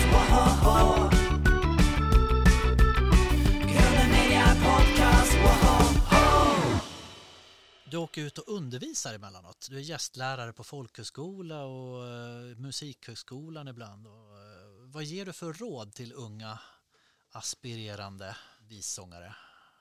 Det har ju varit alla, jag har också jobbat på musikkonservatorierna i Mm. både Stockholm och Köpenhamn och Århus och Odense. Mm. i Danmark. Jag har också varit gästprofessor under fyra år i Danmark, nästan fem år faktiskt på Aha, musikkonservatoriet där. Så, Mm. och då, då har man alla genrer. Mm.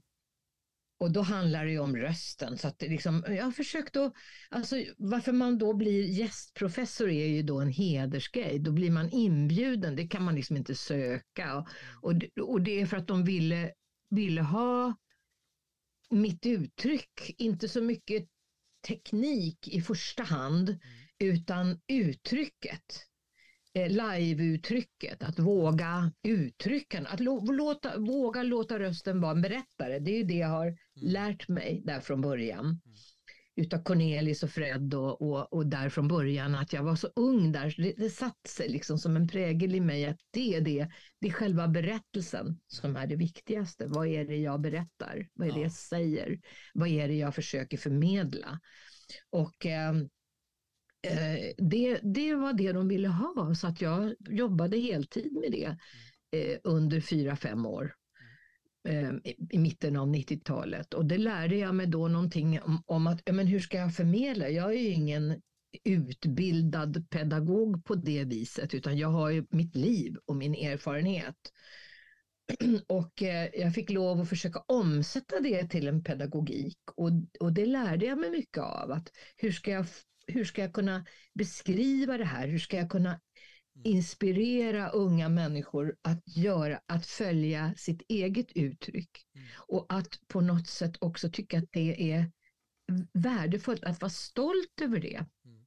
Att det inte handlar om att låta som alla andra och försöka och liksom, det, det kan man göra för att lära sig, man kan lära sig genom att härma mycket, men sen måste du gå ett steg till om du ska vara nöjd med dig själv och Ja. känna att nu uttrycker jag någonting som är mig. Mm. Det här är jag. Mm. Och eh, det handlar, nu handlar det så mycket om ah, utseende och så, det har det väl alltid gjort i och för sig, men det är mer än någonsin, och det är inget fel, jag, jag förstår att det är viktigt också, det är naturligtvis viktigt hur man, vad man har på sig och hur man ser ut och allt det här, och vad man, men rösten, Mm. det är den ändå som är det viktigaste och det är det som vi påverkar mest med. Vad är det rösten förmedlar? Mm. Och då fick jag lära mig att hitta en pedagogik, att skapa en pedagogik Mm. då jag kunde förmedla det här på ett annat sätt än bara genom teknik. Det är inget fel på teknik. Vi behöver också teknik, men inte att basera det. I, I Danmark kallar man teknik på högskolorna för teknikhelvetet. För folk Ja. kan fastna i det och bli Ja. helt nojade av och tänk om jag gör fel och Ja. åh, liksom så här.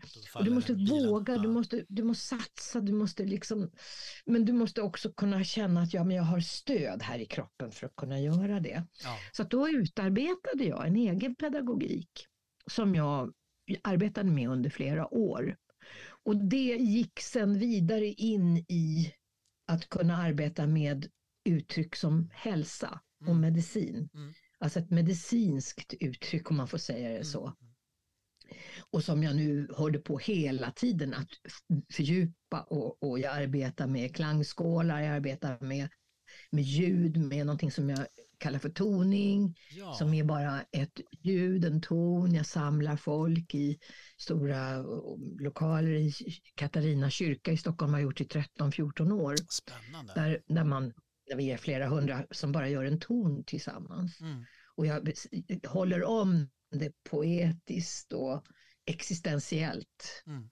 Det är viktigt att det här är existens, det handlar om existentiell hälsa. Det är klart att själen finns med och det spirituella och allt det här, men det är inte, det är liksom inte religiöst på det sättet, på ett Nej. traditionellt sätt, utan det är existentiellt och vi behöver det. Mm.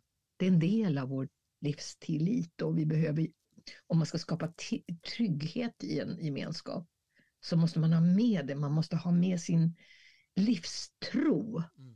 Och min livstro är fri. Mm. Den tillhör inget speciellt, liksom, eh, ingen speciell, eh, varken kyrkan eller någon annan filosofi eller andlighet, utan den är fri. Jag tror på människan. Jag gör verkligen det.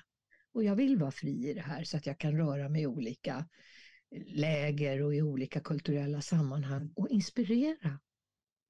För det, det är så jag har själv givit mig mod att kunna gå min egen väg. Mm. Och det lärde jag mig under de här åren där jag kom till högskolorna och där var det mycket problem med rösten. Alltså, eleverna hade ont i huvudet, ont i ryggen och Prestationsdjävulen. hälsa, de tappade Ja. modet, de ville inte gå kvar. Jag sa, men gud, ni gör ju Ja. det viktigaste som finns, ni har allting här. Ja, Men det blev för mycket rädsla att göra fel. Ja.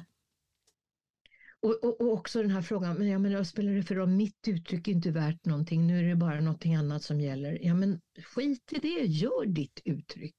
Utveckla det, fördjupa det. Var med det, lek med det, skapa med det och lär dig.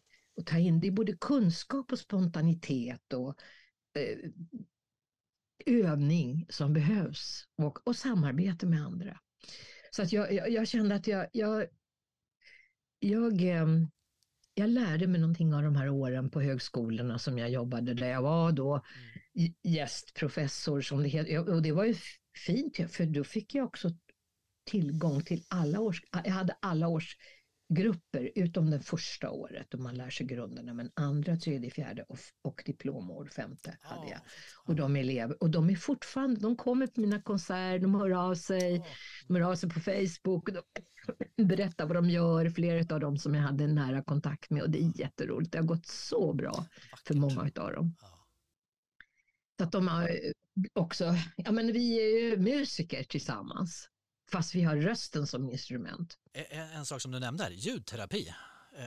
Hur, ser Ja. en, hur kan en sån session med klangmassage se ut? Det låter jättespännande. Mm. Ja, det är ju intressant, va? därför att det är ju så att hela kroppen eh, leder ljud. Vi, vi, är, vi, vi, vi hålls ihop Mm. och fungerar informationsmässigt huvud, hjärta, buk, hela det här systemet som vi är, överlevnadssystemet, genom vibrationer. Det både sätts igång rent e- elektroniskt eller elektriskt och eh, på kemisk väg. Och det här kan vi då eh, hjälpa till med genom en, till exempel en rösten som också är vibration och leder ljud och en sångskål. Mm. Jag tog med mig, jag tänkte om du skulle fråga det. Ja, då ska jag ta en liten bild på den också. Ja, vi kan, kan, så, så, så vill jag gärna bara visa hur en sån här sång... Nu arbetar jag med både med nya skålar och med, med gamla. Det här är en gammal tibetansk skål Mm. från eh, 1700-talet. Jag sätter skålar Mm. på kroppen enligt en viss struktur som heter, jag har lärt mig någonting som heter Peter Hess klangmetod som grund. Mm. Men sen har jag lagt till rösten och toning och jag använder som sagt var både nygjorda terapiskålar kallas det för av en anledning att ljudet går ner i kroppen Mm.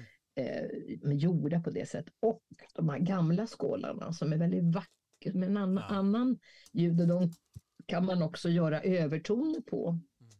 med en sån här, Mm. Mm. vet, det hörs säkert inte på Zoom. Ja, jag förstår hur du tänker. Det, det blir som en eh, vin, kommer- På vinande... nyårs, nyårsafton så har jag nyårstoning igen i Katarina kyrka och då har jag en gammal skål där jag börjar hela ceremonin med att göra en toning med min skål. Det är väldigt vackert. Ja. 31 december klockan 10.30 på förmiddagen. I Katarina? Ja. Bara komma. Mm. Det är, jag kallar det för det är min, min socialtjänst. Ja, vad Gör det gratis och det är gratis, det är bara att komma. Jag älskar att göra det. Det här är ju en grej som skulle skrivas ut på recept till alla, tänker jag. Det här känns ju så välgörande. Ja, och det, och det kan, kan det göra också Ja. för att det här är ju friskvård. Ja. Man kan säga att det är det och det hjälper. Jag har jättemånga klienter eller del, deltagare eller mottagare här som kommer och, och man mår bra av det här. Ja. Det är lugn därför att det, det stimulerar vagusnerven direkt. Vagusnerven är en lång nerv som går här, det är en kranialnerv och den går från, från inifrån hjärnan ut i, genom, eh, alltså här nacken, eh, ut på varsin sida av halsen och, och sen går den runt och involverar de flesta organ eh, och ner också in hela buken. Det, det är olika kretslopp som också en del av eh, nervsystemet. Så att vagusnerven är en del av autonoma nervsystemet. Det låter lite kanske avancerat men, men det, är- det är vårt biologiska fundament i vår kropp som också styr väldigt mycket hur vi beter oss och hur vi handskas speciellt med stress, Mm. trauma, eh, chock, eh, överlastning, överbelastning i, i systemet. Och att vi vet idag per forskning att vi kan bara läka och återhämta när vi lugnar nervsystemet. Mm. Och det är ju det lite kruxet. Hur ska vi göra det då, då när vi har varit med om något, alltså vi är, kanske är förvirrade, överlastade, stressade eller varit med om en, en, en, ett trauma. Samhällstempot tvingar oss att vara uppe i varv. Och det här är en konst och då, och då kan vi bara säga så här, vi kan, vi kan sammanfatta det med att det, här tar tid och, och, men jag ger ju föredrag om det här. Och jag lägger ut allting på golvet, det är inte någon digital grej utan man ska kunna känna på Ja. symboler som visar olika tillstånd i nervsystemet så man känner det och förstår det.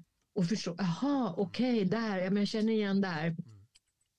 Och att, att lära sig att vara i, i, i djupare stillhet så att säga, det är inte så lätt.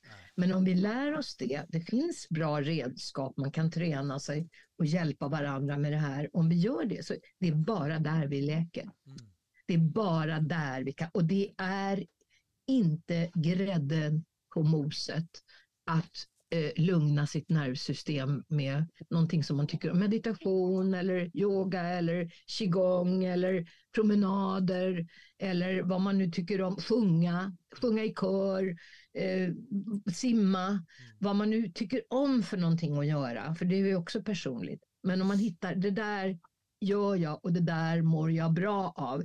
Jag prioriterar det i mitt liv. Det är inte grädden på moset, det är själva moset. Ja. Kloka ord där. Du har ett eget stipendium. Men du har inte gett det till dig själv som Evert Taube eller? Det är helt sjukt. Nej, det har jag inte. Men det, det är lite tråkigt med det där stipendiet för att det tog slut. Jag gav ju det till älskade Anna, duktiga, härliga Anna Stadling, Stadling. ja. Mm. var den första och enda och sen gick de i konkurs tror jag, de här, hela det här äh, äh, firman som, eller det här företaget som hade tagit initiativ. Det måste ju vara någon som, som hittar de här pengarna och som har hand om dem. För jag har inga pengar att ge ut. Men jag, jag tyckte det var trevligt men sen försvann de försvann Mm. ur min, min åsyn. Jag vet inte var de tog vägen de här kvinnorna som, som hade det här, eh, Visit Dalsland tror jag var, eller var det något liknande. Jättetrevligt var det, men jag tror inte de, de fick liksom inte ihop det sen. De, det blev ingen fortsättning. Mm. tyvärr. Men Anna han få, Anna han få mitt första och enda stipendium. Mm, och det är jag glad över. Ja, För det så- var verkligen välförtjänt. Åh, vad hon är ja, bra. ja. Mm. Hur eh, kopplar du av? Jag sjunger, tonar, Mm. hummar och bara är. Mm. Jag har äntligen lärt mig det lite mera. Jag har inte kunnat det förut. Det har varit svårt för mig. Jag har Mm. varit full, så full av energi och iver och, och initiativ. Men nu tycker jag att det är skönt att liksom bara få dimpa ner i min, min, eh, mitt ankare in i mig Mm. Och släppa taget en stund. Det som vi musikteoretiker kallar för tonika. Hitta tonikan i sig. Alltså grundläget. Ja, precis. Mm. Och det har med nervsystemet och vagusnerven att göra, att lugna nervsystemet. Mm. Att se till att inte det blir överhettat. Mm. Då funkar det som en sån här termostat eller en, ni vet en sån här, Mm. vad heter det, Eh, värmeelement som bara klick och så går det sönder. Ja. Det, det pallar inte att bli för varmt, Mm. för hett. Det händer konstiga saker med oss. Tar du Hampus nummer 75 där också då? Vad gör dig eh, glad? Vad som gör mig glad, det kan vara väldigt små saker. Alltså, till, eller små saker, men det är, kan vara ett sånt där samtal som vi har nu, Hampus och Erik. Mm. Det kan göra mig glad. Det känns meningsfullt. Man pratar med varandra, ser varandra i ögonen, även om det är via Zoom. Men man är där. Man, pr- man har ett samtal i närvaro. Det gör mig glad. Ja, det här gjorde oss glada också. Det här har varit en sån boost för eh, sinnet. Ja, tack. Vad händer mer i framtiden här då Marie? Du som är så mångfacetterad tänker jag. Har du något så här outforskat Ja. es- estetiskt spår som du längtat efter att få utveckla? Har du, vad har du för drömmar? Många. Ja. Alltså jag, jag, jag följer ju liksom det som kommer upp i mångt och mycket och de, de saker som jag har aktuella. Men jag har ju någonting som jag arbetar med under, under allting har gjort i fem, sex år. Mm. Och det är med alltså det här projektet med att kunna förmedla, Mm. dela, beskriva så gott det går det här komplexa eh, vagusnerven och nervsystemet. Jag tror nämligen att det kan hjälpa oss att stödja ljuset som vi pratar om. Mm. För att, att om man förstår vad är det som gör att mörkret får ett övertag i oss. Det är många saker och det är komplext absolut. Men att förstå lite grann att det är svårare för ljuset att etablera sig i inom oss när nervsystemet är på högvarv. Mm. För då kommer vi in i ett överlevnadsmode. Ett tillstånd där det gäller att överleva och skydda oss och försvara oss. Mm. Och då missar vi det där kontakten med det här lite djupare lagren i oss. Som kan känna in, nej, det här är nog inte så smart att gå den här vägen. Ni vet, att man liksom har kontakt hela tiden med livsintuitionen som kan visa, nej, försök att gå lite grann åt det här hållet, lämna det där, gå inte in i den där traumat, gå, inte, gå därifrån eller vad det nu kan handla om, eller fokusera på det här, eller gå och vila en stund, eller återhämta det lite nu så att det inte kommer upp. Ni vet, allt det här finns i den här vagusnervsteorin. Och jag, jag vill ju så gärna skriva om det här, men jag är ju ingen jag är, ingen, jag är en mera levererande live-person, jag är musiker. Och, eh, men nu har jag hittat en form som kanske kan passa mig där man gör både live, alltså via någon form av app, datorapp och skrivet ord. Eh, kanske kan man, det är min dröm, att hitta ett sätt att kunna få dela det här, det här, den här det är en teori.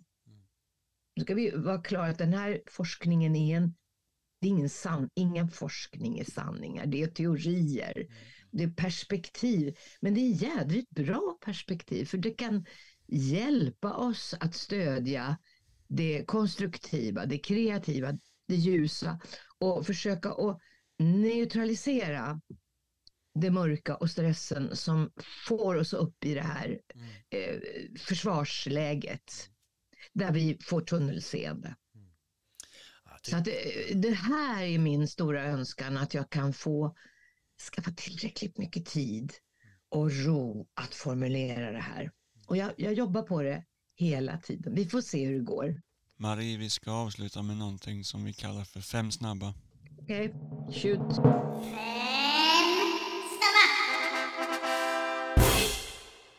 Visa Elias.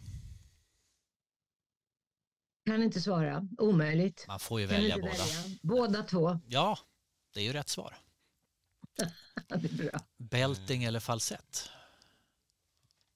Falsett. Mm. Ja, jag tycker inte om belting. Alltså nu måste ni ju förklara vad belting är en sångteknik. Mm. Jag tycker den kan låta väldigt konstig och konstruerad och hård Mm.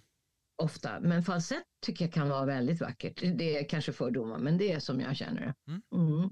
Härliga sommardag eller vita vidder. Det är ju samma sak som visa Elias. Det är omöjligt att välja. Men eh, nej, jag gillar nog Vita vidder kanske som sång mera. Ja. Det gör jag nog, som låt. Men, eh, nej, men de är ju, det är ju schlagernostalgi. Ja. De är fina bägge två. Premiärnerver eller vagusnerver? Vagusnerver. Ja. alltså, med det menar jag Ja. att vi kommer aldrig undan nervositeten. Jag är alltid nervös. Jag tror man ska vara det. Man ska vara lite nervös. Det betyder ju att man bryr sig. Mm. Men det är, det är häftigt om man kan lära sig att hantera nervositeten lite bättre Mm. så att den inte sabbar. Att man kan vara förankrad liksom i sin, i sin eh, buk Mm. och, och i sitt centrum fast man är nervös. Därför säger jag vagusnerver. Kan hantera premiärnerverna genom vagusnerven, tänker jag också då. Ja, ja, ja. Katt eller hund? Alltså jag har ju både katt Ja, det är bara en av dem som Jag poäng. kan, svara, jag kan inte svara så här antingen eller på någon av era frågor. Både katt och hund. Men om vi säger så här då. Dansk-svensk gårdshund eller dansk-svensk karriär? Åh, dansk-svensk gårdshund. Ja, De är underbara. De är så roliga. Det är Ja. världens finaste hundar. De är Ja. så roliga. Men de kräver en både fast och kärleksfull hand. För de ja, är busiga, påhittiga. ja läraktiga. De, de ger sig själv jobb om man säger så. Om Ja, man inte ger dem jobb så ger de sig själv jobb.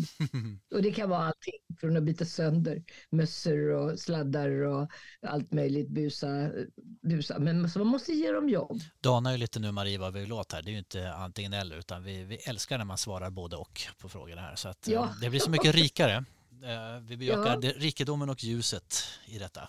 Så det, Ja, det, allting det gjorde du så bra här. Ja, så, hela tiden. så det är en fullpoängare även i denna lilla gren här då. Fem snabba. Full pott till dig. Vad bra då. Innan vi slutar ska du få ställa en följdfråga till Marit Bergman. Åh Marit. Din nästa namn här. Hej Marit. Jag är en stor beundrare av, ja, men av din eh, kreativitet på alla plan. Det är underbart. Och jag undrar, var hämtar du din djupaste inspiration ifrån? Den tar vi med oss. Ja. Eh, sen är det på det viset att vi, vi skulle kunna fortsätta i all evighet för det här var så himla trevligt. men- men eh, vi behöver släppa dig här och eh, du får ut och rasta de dansk-svenska. Ja, de Godisarna. väntar här och Ja. får springa.